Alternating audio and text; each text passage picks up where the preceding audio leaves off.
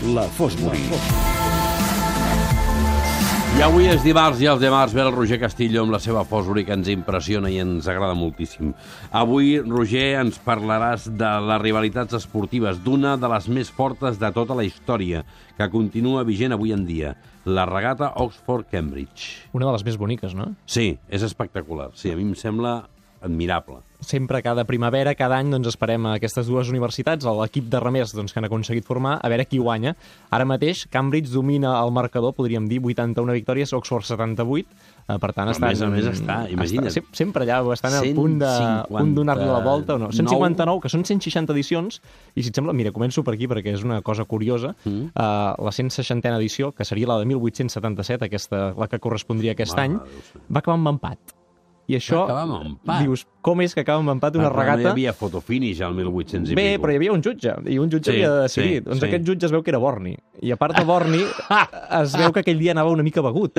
Això ja ho tenen alguns jutges. Es veu que es va dormir en un arbre, feia solet, l'escalforeta, es va quedar allà dormint, no va veure el final, i quan es va llevar, ell, la frase que va ser va ser empat amb sis peus per Oxford. Ningú va entendre què, va, què volia dir això i van donar per empat I i, empat. i ja està. És una manera d'arreglar-ho.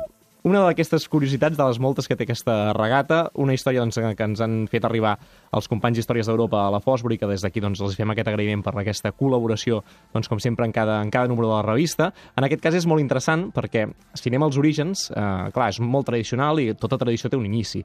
En aquest cas ens hem de remuntar a 1829, 1820. És que, és que que això... no és tan lluny, perquè les universitats, una és del segle XI, l'altra del segle XIII, Sí, clar, no, si mires... Si mires es eh, diu que Cambridge, fundada per fugitius d'Oxford en el seu moment, sempre hi ha aquesta, Sí, home, sempre aquest punt de rivalitat A més, en allí tenen acadèmica. aquesta tradició que és espectacular i com la cuiden i com cuiden la seva història sempre m'ha semblat brutal. 1829. 1829. Clar, eh, aquí fa quatre dies, quatre dies que, que Napoleó havia sortit del país. Sí, sí.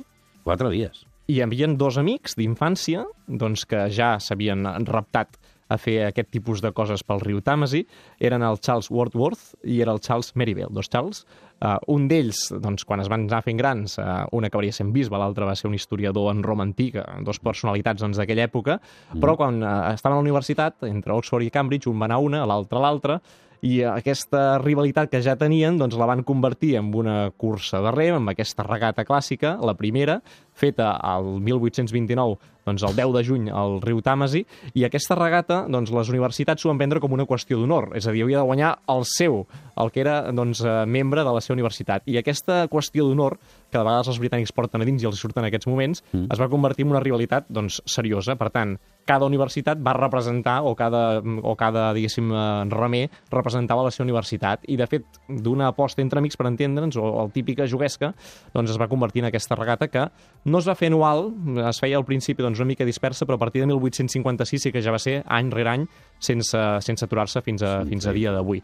Hi va haver dues aturades al llarg de la història, això és cert, és a dir, no sempre s'ha pogut fer aquesta regata, hi van haver dues guerres mundials, aquesta regata oficialment doncs compta com a no, no concorreguda. La Primera Guerra Mundial no se sap que es fes de cap manera, però en canvi durant la Segona Guerra Mundial sí que tenim que durant els sis anys de, de, de guerra eh, hi van haver quatre regates no oficials.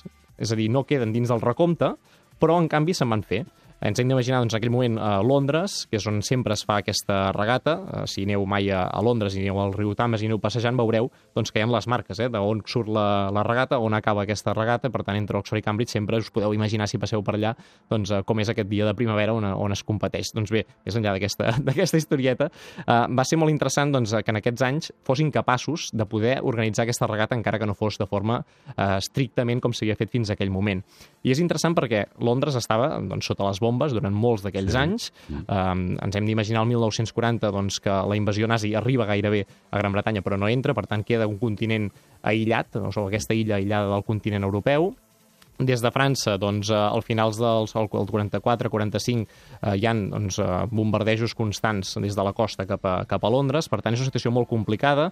S'intenta des de part de, dels alemanys en aquell moment doncs, també evitar que doncs, qualsevol subministrament, qualsevol provisió arribi a la Gran Bretanya. És una situació complexa, la vida quotidiana no ens la podem imaginar com a està, normalitat. Està aïllada, hi ha les V2, hi ha mil coses. Sí. Però, evidentment, hi ha gent que té aquesta tradició esportiva que la porta, les universitats entre elles volien continuar competint, i el 1940, el 1943, el 44 i el 45 van aconseguir organitzar la regata i, i fer-la. Una regata doncs, que va ser dispersa i per això no es considera oficial.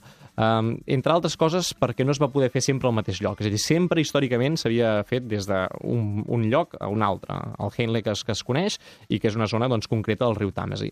Durant aquells anys, fins i tot, eh, doncs es va haver d'anar un any fora de Londres No, perquè per era molt perillós clar. i que si no, no es podia, no es podia fer.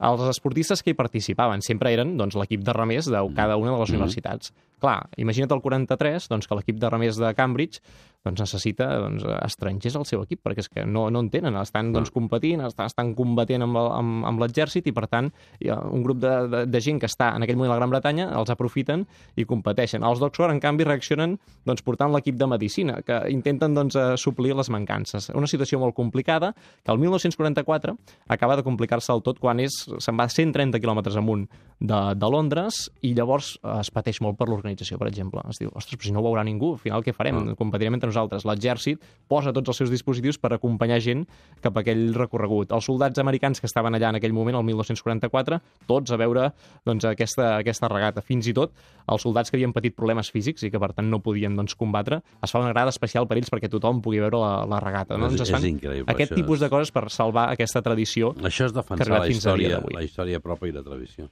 El, algun dels elements interessants també d'aquesta regata és el paper de les dones. Evidentment, al principi doncs, no es comptava amb elles eh, per cap banda. A partir de 1927 es comença a comptar i el 1981 ja trobem la primera timonera, és a dir, la que mana ja en un equip i que en aquell cas doncs, eh, doncs, sí que és eh, trencar una tradició, és eh? trencar una tradició i, i s'ha anat repetint eh? des de llavors, per tant han agafat un pes, eh, podríem dir, eh, preponderant en aquesta, en aquesta prova clàssica. I alguna altra d'aquestes eh, curiositats ja per acabar, el 1912 no va acabar cap de les dues embarcacions, és a dir, el resultat no compta com a vàlid perquè es van enfonsar les dues, és a dir, tant la d'Oxford com la de Cambridge es van enfonsar. Eh, problemes, doncs, eh, sobretot de, del temps, diguéssim, clim, climatològics i, i bueno, el riu doncs, va fer les, les seves males passades.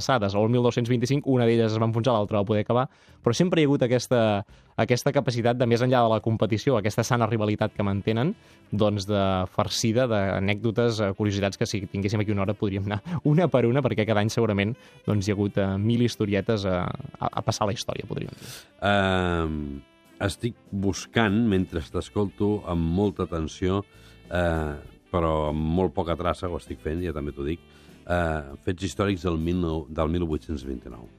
Uh, és tan lluny, tan Queda lluny, eh? Queda que, bastant aquesta lluny. gent ja feien la regata. És absolutament increïble. Roger, com sempre, m'ha emocionat molt, m'ha agradat molt. Moltíssimes gràcies. A vosaltres, com sempre. El fet Fo Fosbury del dia. Aquest cap de setmana, primera competició oficial de la temporada de rem, en posta. Molt bé.